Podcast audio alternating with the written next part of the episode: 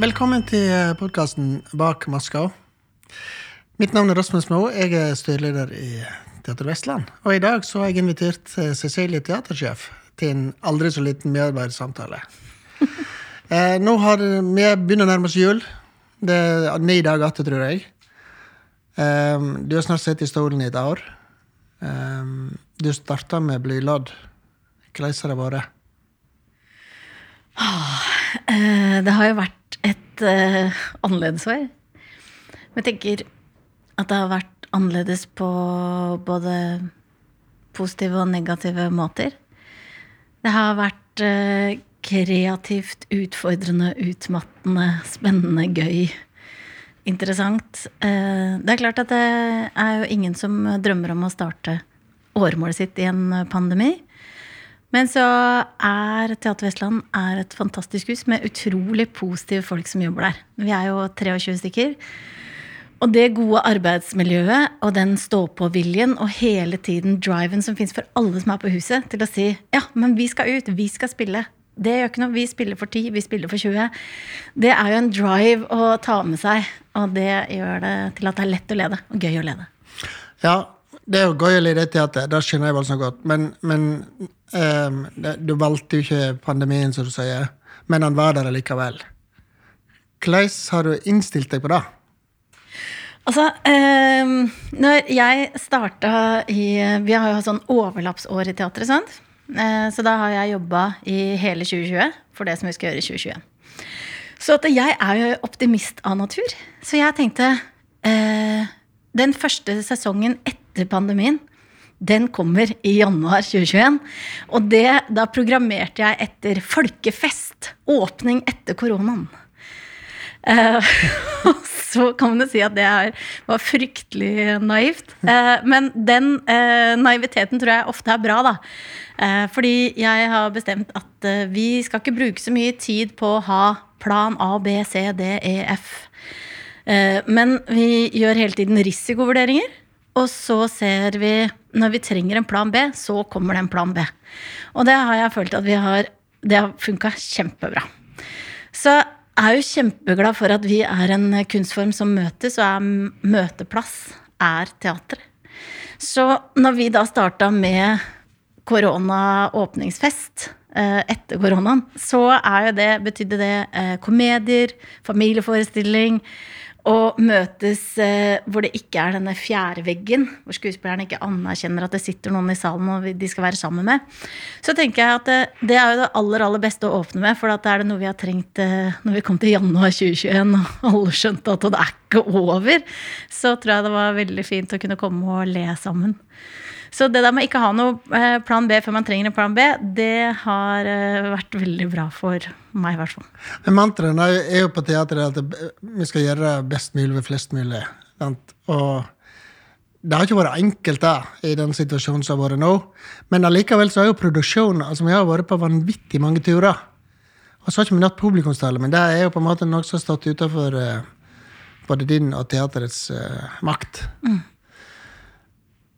Men vi har vært der ute likevel. Hvorfor, hvorfor gikk vi den veien? Hvorfor, hvorfor, gjorde vi det? Ja, det er jo kjempeglad for at jeg har hatt med styret på hele veien. Veldig tydelig på at vi skulle reise, for vi er jo et rent uh, turnéteater. Så Ofte når man eh, lager en forestilling, så kommer gjerne kanskje én publikummer tilbake, og så kan man si at jeg hadde en sånn opplevelse, eller jeg opplevde denne forestillingen som gjorde at jeg tenkte en ny tanke eller endra et perspektiv. Og ofte når man får den tilbakemeldingen, så tenker man sånn Den forestillingen er verdt det bare fordi den ene publikummeren opplevde det sånn. Mm. Og for de som har kunnet gå på teater, vi har spilt for 10, 20, 50, 100, men ikke den rekkefølgen. Eh, så for de som har kunnet komme, så har jo vi opplevd at vi har fått tilbakemelding på at så fint at dere kom. Så utrolig deilig. Det var så fantastisk å sitte i teatret. Selv om det var litt rart å være ti stykker på en komedie. Det er nesten sånn hjemme hos oppleving. Men det er jo enormt eksklusivt da, at hele det maskineriet kommer ut for så få. Men uh, det har vært viktig for de publikummerne som har kommet. Og det har vært veldig viktig for oss å være til stede. For det er jo det vi driver med. Mm. Det produktet vi leverer, er opplevelser som kan endre ditt perspektiv, forandre en tanke, måten å se verden på. Kanskje forandre samfunnet. Men det er jo historiefortelling. Og det, uten publikum så eksisterer ikke teater som kunstform.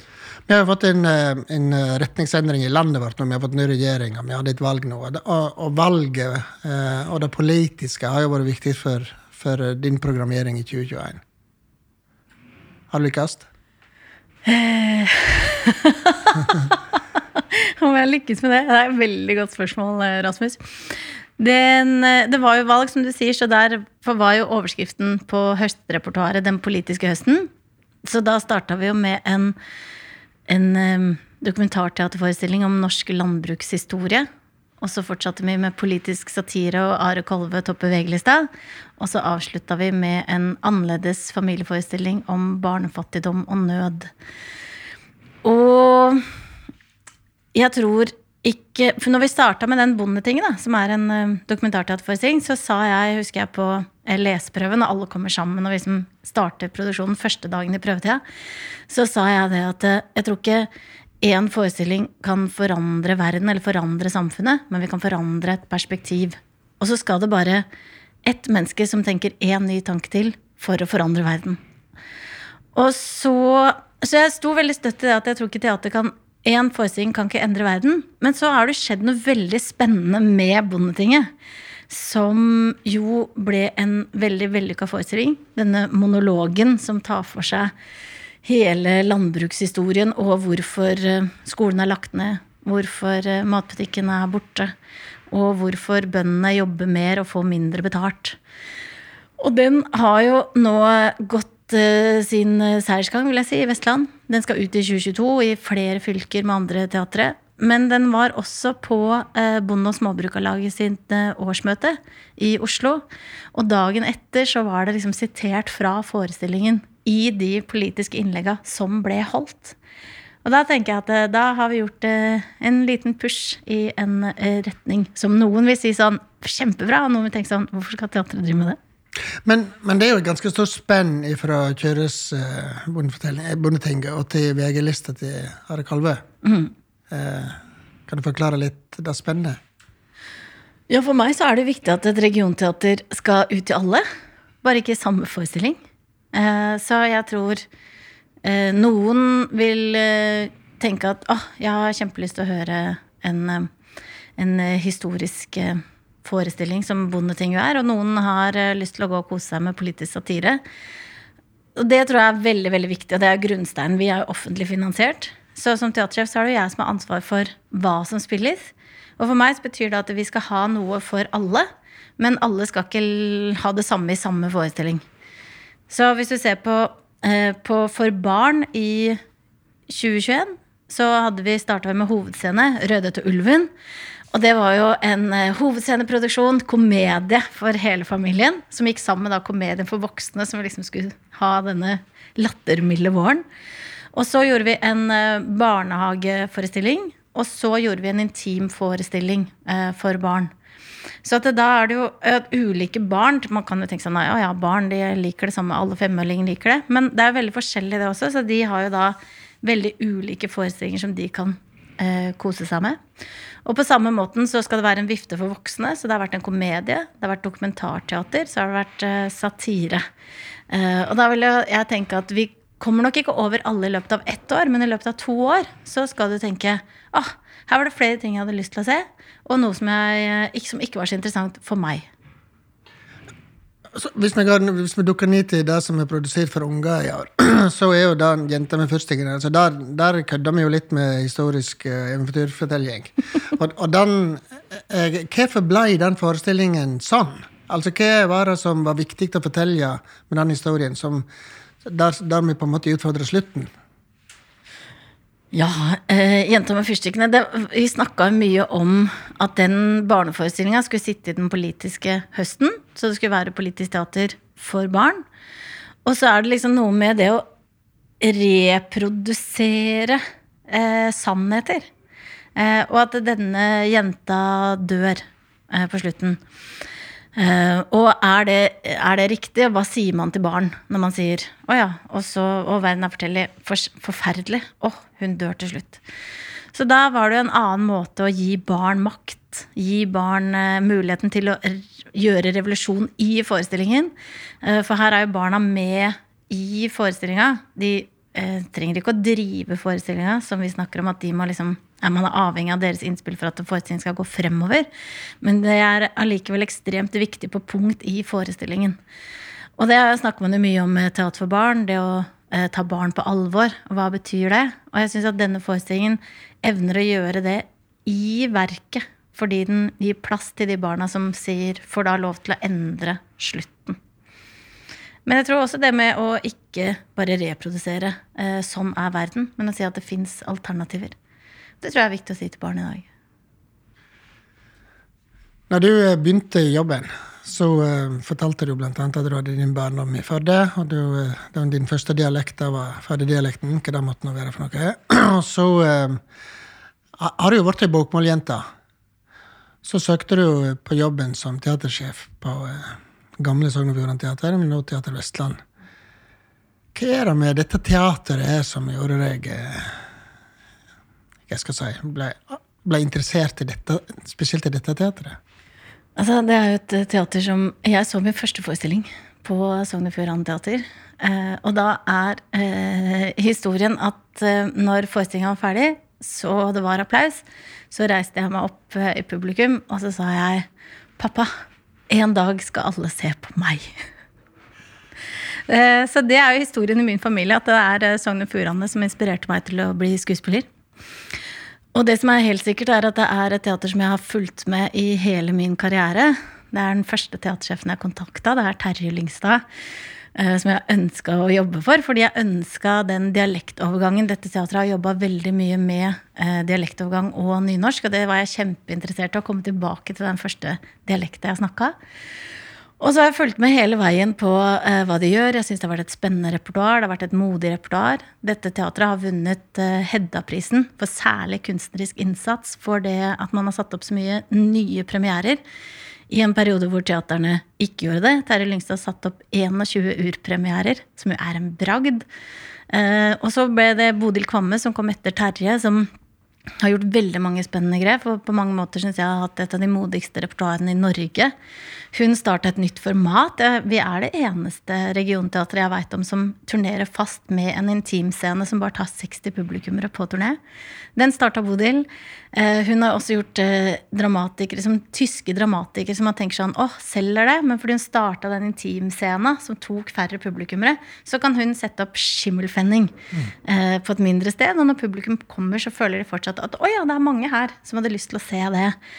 Og vi er ikke så få i den salen. Så du får på samme måte som Det Norske Teatret og Nationaltheatret har ulike format inne på huset sitt, så reiser dette teatret med det formatet. Det syns jeg var kjempespennende. Og det kommer helt tilbake fra båten. ikke sant? Vi reiste med teaterbåten Innvik, og så ut fra båten og inn i kulturhus.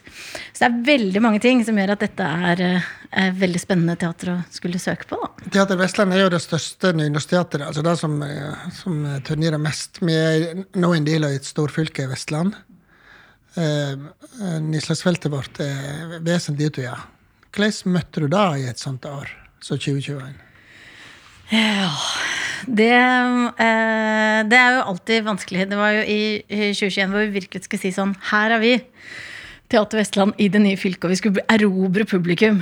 Og det var jo også noe med den, eh, den eh, å bli kjent-prosessen med å ha dette eh, Starte med en komedie for voksne, komme tett ut i bygdehus, der folk er i bygdene, der hvor de bor. Så har det vært veldig mye smitte, spesielt i Hordaland. Så en del av de stedene vi skulle besøkt, har vi avlyst Eh, dessverre flere ganger. Så det var jo kjempetrist. For man har gjort så mye tanker om åh, hvordan skal publikum bli kjent med oss, hvordan skal vi få dem inn. Eh, vi hadde planlagt at vi skulle reise og åpne nye spillesteder. Vi skulle ha arrangørsamlinger. Vi skulle virkelig bli kjent uh, i dette fylket. Vi skulle også ha For bransjen så skulle vi ha regionalt bransjetreff og utforske hva det vil si å være scenekunstner i dette fylket på mikronivå. Og alt det blei jo litt amputert pga. av pandemien. Så det er jo eh, kjempetrist. Og så er jeg kjempeglad for det vi har fått til. Og så heldigvis er det sånn at jeg ikke bare skal være teatersjef ett år. Eh, og nå kommer det et nytt år, så jeg håper at vi får satt i gang en del av de tinga og får møtes. eh, språkføret vårt er nynorsk. Hva viktig er nynorsk for deg? Nynorsk er et uh, utrolig fantastisk poetisk skriftspråk. Det er uh, ikke noe som er så fantastisk, syns jeg, å lese Shakespeare oversatt til nynorsk. Det er mye bedre enn bokmål. Uh, uh, nynorsken har uh, flere ord. Jeg opplever at den har mye mer fleksibilitet. Den er både poetisk og liksom gøyal samtidig. Og jeg er jo en sånn dialektnerd. Jeg elsker jo å samle på dialektord. og så kan det høres fryktelig rart ut, så det har jeg måttet slutte med. Liksom ta, når du tar liksom dialektord inn i din egen dialekt, så høres det helt sånn absurd ut. men jeg er en, jeg en språknerd. Det har alltid vært kjempe kjempeglad i uh, nynorsk. Leser mye på nynorsk. Men um, Og dialekter.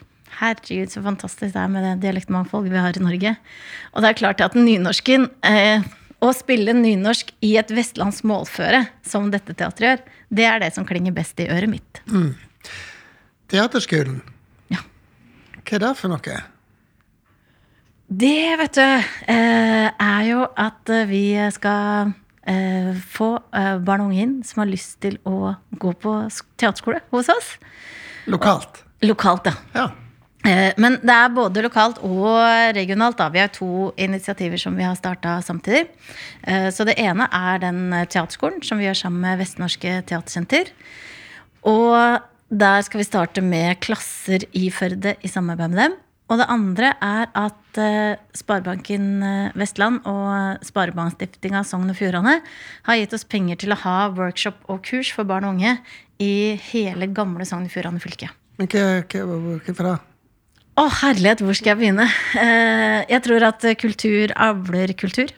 Og at det å gjøre gjør også at man blir interessert i det å se. jeg tenker at det er talentutvikling. Eh, for i Førde her for noen år siden, så ca. 10-12 år siden, så hadde de noen sånne større prosjekter som gikk over flere år. Og du ser at en del av de som er profesjonelle eh, skuespillere, operasangere, eh, musikere, kommer fra den tida. Så kan du gå tilbake og si ok, disse fem, disse fem menneskene fins som profesjonelle i dag fordi de var med på dette da. Og jeg mener at vi som teater har et ansvar for å si det fins en bransje. Det fins en verden. Og det tror jeg går eh, gjennom oss og ut i verden. Og jeg vil veldig gjerne ha flere scenekunstnere fra Vestland. Men er det sjølpålagt, det ansvaret? Eller er det noe som er forventa? Nei, det kan du si på mange måter er en, kanskje en kombinasjon. Det kommer litt an på hvordan man tolker det mandatet som jeg har fått uh, av deg da, og av styret. Fordi i, eh, i, våre man, i mandatet som ligger i strategiplanen, så har jo Teater Vestland alltid skullet jobbe med amatørteatervirksomhet. Og så har det blitt gjort på veldig mange måter før meg. Og jeg tolker det kanskje litt mer konkret fordi jeg mener at vi har et ansvar og vi skal, være med å få, vi skal være med å få tak i de som har lyst til å bli bransjen i morgen. Når vi lager teater i Førde for å turnere, ja. så er vi jo avhengig av en del innhente ressurser. Og da snakker vi om den humane ressursen. Hvor vanskelig eller hvor lett er det å få eh, skuespillere og regissører til Førde? Det opplever jeg at uh, der er det mange års rykte som uh, løper foran meg. Uh, og det er veldig fint.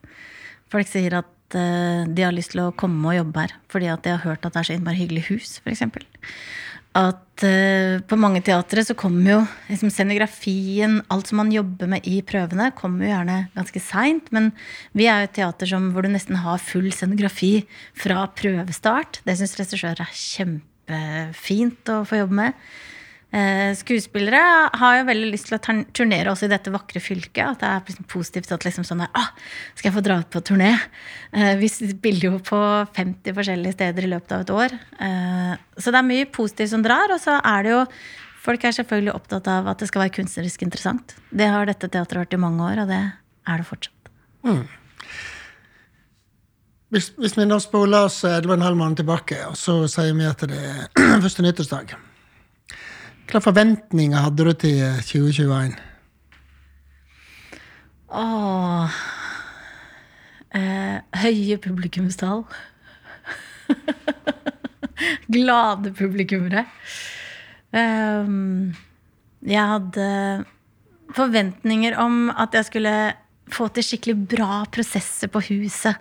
Og en av de tinga som jeg virkelig ville jobbe med, var sånn forutsigbarhet. Lange linjer.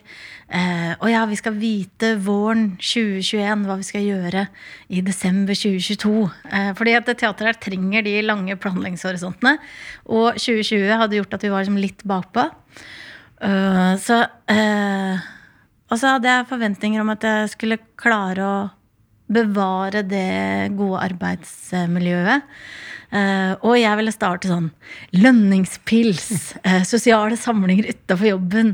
Uh, at premierefesten skulle brukes til å samle huset. Så kan du tenke deg, når vi kom til den første premiera, Rasmus Det er den eneste gangen jeg har felt noen tårer på mitt kontor i 2021.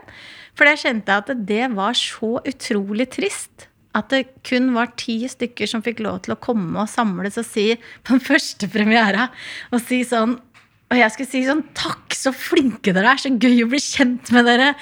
Eh, åh, denne forestillingen skal ut på turné og virkelig samle huset i den første premieren. Og så var det fikk jeg liksom i oppgave å velge ut de ti som fikk lov til å komme. men, det ble litt annerledes. Men det vi kanskje ikke tenker på når vi på Utsøy teater, det er at Én ting er at, det, at et stykke skal spilles, men planen for at det skal i hele tatt komme på programmet, og hvordan planleggingen for å ta det inn i programmet, tidsaspektet, få folk på plass Det er jo en formidabel eh, prosess, dette der, med, i tid. Ja. Når du planlegger i dag, så får vi se det om et og et halvt år? Ja. Så, og det er jo eh, Og så er det jo ikke bare jeg som eh, planlegger. Det er jo det som er så fantastisk. Jeg prøver å eh, Jeg syns det var innmari fint, det bildet som er som følger. Vi er tankskipet. Og da tenker jeg på den tankskipet som krasja med den eh, fregatten. Mm. Fregatten har muligheten til å styre unna, mens vi bruker mye lengre tid på å snu oss. Eh, fordi at når, vi, når, jeg sitter og sier eh, vi skal gjøre eh, vi skal gjøre Bondetinget eh, høsten 2021. Så sitter vi på et møte, da, og da sitter eh, produksjonssjefen, teknisk sjef, eh, direktøren og markedssjefen. Og så sitter man, og alle tenker med sine briller. Så er det sånn, ok, når må prøvene starte? Da må jo jeg kontakte en, en regissør og skuespiller og sånn. Eh, og så må det jo skrives kontrakter, men så må alle se sånn Ok, alle de teknikerne, da. Eh, hvis det er seks teknikere som skal ut på tur, og teknikeren hos oss er jo også eh, snekkeren er ute på tur og rigger. Smeden er både sjåfør, smed og rigger. Så det er jo sånn puslespill med når kan vi bygge scenografi, når kan vi sy kostymer, når kan vi reise ut på veien. Eh, og så har du jo ti-tolv eh, timers arbeidsdag når de er ute på tur, så har du litt avspasering når de kommer hjem. Uh, og markedsavdelinga må sitte og si ok, jeg tror å ja, du ønsker å programmere sånn. Ja, her bor det så og så mange publikummere. Den type forestilling tror vi at uh, det kommer til å komme så og så mange på, som legger føring for budsjettet. Så alle stykker kan ikke spilles alle steder? Både fysisk og uh, egentlig når det gjelder populasjon eller? Nei. Men det er jo de tre formata, da. At en grendahusforestilling som er lagd til Eh, det bygdehuset, den ser jo ut som et lite frimerke på en hovedscene. Eh, så det er liksom noe å prøve å finne ut hva er det som passer i den intimscena. Hva er det som passer på hovedscenen, og hva er det som passer på grendahus. Og så er det da når det skjer en endring, ikke sant? hvis en regissør sier åh, jeg kan ikke, komme, jeg kan ikke begynne å prøve 1. august, sånn som du vil. Jeg kan begynne 8. august. Så må alle sitte og tenke hm, kan vi flytte det én uke? For det er liksom bare Det er som en sånn domino som du bare eh, flytter, tar den, og så bare og det er jo ekstremt eh, krevende når vi har hatt så mye eh, pandemiendringer. sant? For at vi tenker nå så sitter jeg og planlegger 2023. Og alle sitter og bare Ja, da blir det premiere, og når skal vi, eh, når skal vi flytte, og når skal vi pakke ned? For vi skal få nytt hus. Det er jo helt fantastisk. så det er mange sånne parametere. Så det, for å ta en sånn avgjørelse for kan vi flytte den forestillingen to dager, da er det ganske mange mennesker som skal gjøre en stor jobb for å finne ut av det. da. Sånn at vi ikke dropper noen baller. Det er kjempeviktig at vi ikke gjør. Pandemi. Ja. Det er, det, det er jo blitt et um, Det er jo blitt et år som er, er med oss hele tida nå. Og da det er utfordringen som har vært på teatret med at folk har vært smitta, folk er i fare for å bli smitta. Hvem har de vært i kontakt med? Kan de komme? Når må de reise? Kan de reise til utlandet? Nei, det kan de ikke. Altså, vi har jo hatt noen sånne situasjoner òg i 2021 som har utfordra øvingsplanene, f.eks. Mm. Hvordan har du lyst til Eller vi har lyst til Eh, vi har eh, løst det fordi vi har Når jeg ansetter folk, Rasmus, så er det to ting som jeg ser etter. Du skal være skikkelig bra i jobben din, og så skal du være skikkelig hyggelig. Eh, og det med hyggelig trumfer egentlig dyktighet eh, for meg. Mm. Fordi når alle disse snekkeren, smeden, eh, scenografen, regissøren, skuespillerne alle de skal jobbe sammen for å skape noe som publikum skal enten le eller gråte av, så må de ha innmari godt samarbeid for at det skal bli en sammenhengende historie. Um, og hvis du ikke er hyggelig, så tror jeg ikke du får til det gode samarbeidet. Um, tror, og jeg tror hyggelige mennesker er det også fordi at det, de er trygge på seg sjøl. Og trygge mennesker de tror jeg bare leverer uh, mm. hakket bedre. Det kommer publikum til gode. Og det tror jeg har vært kjempebra i pandemien. fordi at uh, det fellesskapet er avhengig av å finne de løsningene. Men, men samfunnet har jo endra mye nå. Altså, møteplassene endra, dialogformen endra, kommunikasjonsformen endra. Eh, Teams er et eh, allemannseie. Mm. Har du noen gang vært frista til å digitalisere en uh, teaterforestilling og sende det ut til de tusen hjem? ah, nei, det er fy flate. Der er jeg flittig gammeldags. Um, jeg tenker, jeg tenker kjempemye på det. Eh, eh, for det er jo også flere som, eh, publikummere som har spurt om det. Eh, når en forestilling har vært veldig populær. Eh, og ja, når kommer liksom filmen? Når får vi sett den? Eh, og så er det sånn Nei, det er, skjer ikke. Og det er det mange grunner til. Eh, fordi jeg mener at eh, teatret er avhengig av publikum. Da. Hvis publikum hadde visst hvor viktig det var for en teaterforestilling, så hadde de tatt betalt for å komme. det må ikke du si. Nei, og det er jo å sette det på spissen, men jeg mener det fordi Hvor mye skal du ha for å komme?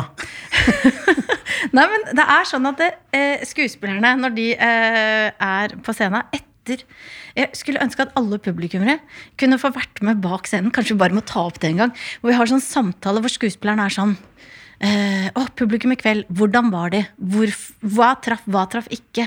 Uh, hvis du f.eks. Spiller en komedie, da. Hvorfor traff vi dem ikke i kveld? Det var så lite latter i salen. Uh, ok, Hva må vi gjøre annerledes? Og hva gjorde annerledes? Og ja, kanskje du gjorde litt sånn, eller liksom, har vi justerte det bort og bare Ok, vi må prøve noe nytt i morgen. Den diskusjonen hvor publikum hele tiden er i dialog, uten at man, uten at man har en komedie. Men det funker jo film. Det funker jo i filmproduksjon. Ja, men en, en, en uh, gjennomsnittlig norsk film koster hva da? 100 millioner. Da tror jeg fortsatt det er på lavbudsjett. En Hollywood-film koster sånn 300-400 millioner. Uh, mens budsjettet vårt er på eh, 32 millioner. Så det er klart, jeg kan jo smelle av hele budsjettet for å lage en skikkelig lavbudsjett Eller kanskje en skikkelig bra kortfilm. Um, og jeg tror at, Men vår kunstform er møte mellom mennesker. Eh, men vi har satt i gang et uh, prosjekt som heter uh, Teater og digitalisering. Hvor vi har invitert med oss fem scenekunstnere til å diskutere nettopp det her. Og er Hva skal til da, for at teater skal funke på film? Og er det kjempebra dokumentasjon, eller er det også greit hvis du ser en halvbra filming av teater? Får du en, eller får du egentlig ikke noe opplevelse av det? For det jeg er redd for da, med streaming, er at veldig mange mennesker sier teater er ikke helt greia mi. Jeg liker ikke teater. Da har de kanskje bare sett et par forestillinger, så er det lenge siden de har vært der. Og at veldig mange opplever teater som én form, eller én sjanger. Eh, men du sier ikke 'jeg liker ikke musikk'. Da sier du 'jeg liker ikke jazz', eller 'jeg liker ikke eh, black metal'. Um, og det tror jeg med teater så kan man liksom si det. Ja, men jeg er ikke så glad i teater. Og det tror jeg da at hvis man kommer ut med veldig mange, da, med en sånn halvdårlig teaterfilm, så tror jeg noen vil tenke sånn Å ja, ja, det var sånn det var, ja. Mm, ja er fortsatt ikke så interessert i det. Uh, mens den magien som oppstår når du kommer inn i salen, uh, og er der sammen med noen som puster sammen med deg, uh, den, den tror jeg ikke du klarer å ivareta på film. Når du skal selge dette her, og du skal få folk interesserte, så er, det jo, er vi jo voldsomt avhengig av at vi har et godt uh, markedssystem. At, at, vi er flinke å selge det i forkant. Det betyr at det er den som skal selge, må kjenne til uh, stykket. Mm. Hvor mye arbeid er det med å sette markedsavdelingen inn i det? Markedsavdelinga tenker jeg ofte på teatret har den vanskeligste jobben av alle sammen. Eh, fordi ofte så er jo ikke forestillinga er jo ikke ordentlig ferdig før det er eh, premiere. Og, hvis, og en regissør kan jo ta veldig mange valg underveis som gjør at det endrer hele forestillinga. Eh, F.eks. med 'Jenta med fyrstikkene' så, eh, så endra vi jo måten publikum satt på. Så de kom enda liksom tettere på, nærere på. Eh, den forestillingen Altså, H.C. Andersen har skrevet en fantastisk eventyr, men det er to av fire sider. Eh, så da har jo alle replikkene, alt blitt skapt i prøverommet hvor skuespiller og regissør har improvisert fram den historien. Så da det jo, kan det være vanskelig for markedsavdelinga å faktisk selge det publikum skal oppleve. Så de er veldig mye i rommet underveis. De er helt avhengig av å snakke med eh, regissør og meg. Eh, og hvis det er en dramaturg, så er det jo avhengig av å snakke av dramaturgen. Men det med den planleggingshorisonten så begynner jo med en gang vi har bestemt hva, hvilket stykke vi skal gjøre, så har vi noe som heter rammemøte. Og da kommer hele det kunstneriske teamet sammen med alle eh, i ledergruppa på teatret. Og så setter vi rammene for prosjektet. Eh, og der begynner vi å snakke om forestillingen. Hva skal dette bli?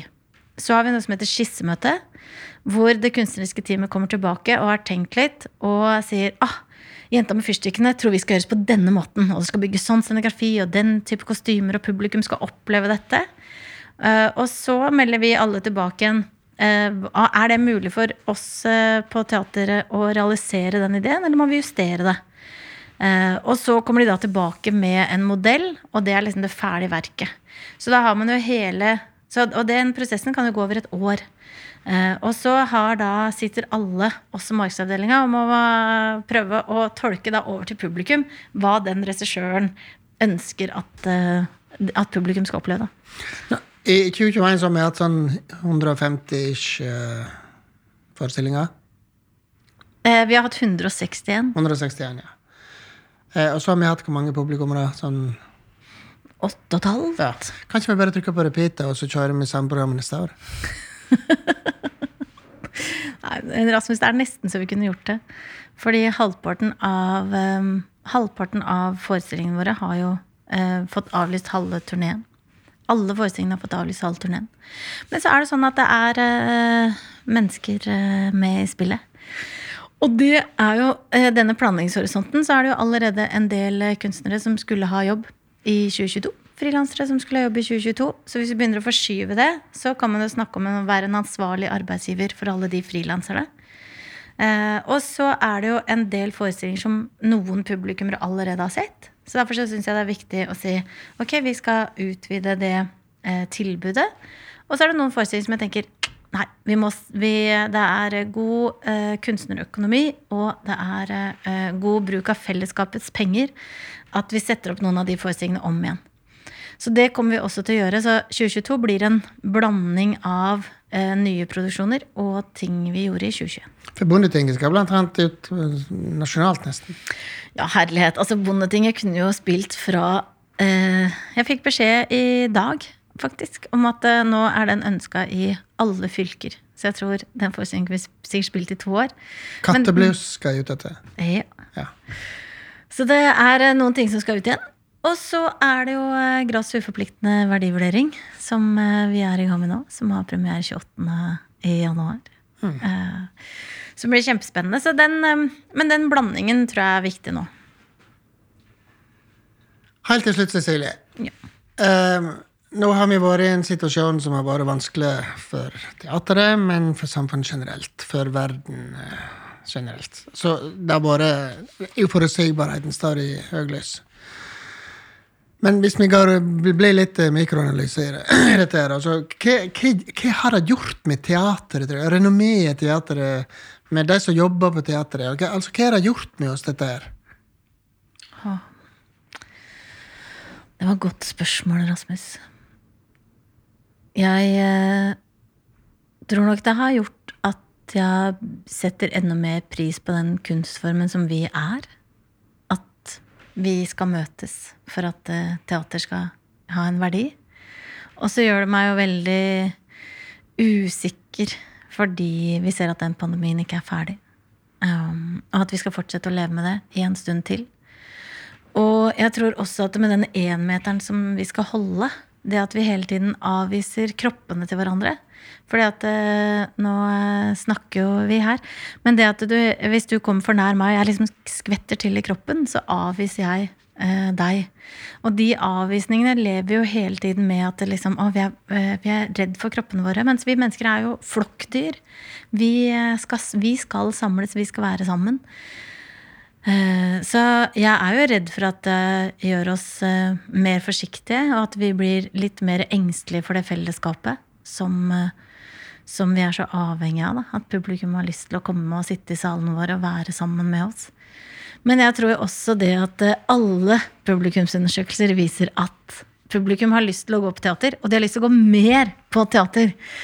Så det syns jeg lover kjempegodt, at teatret blir savna.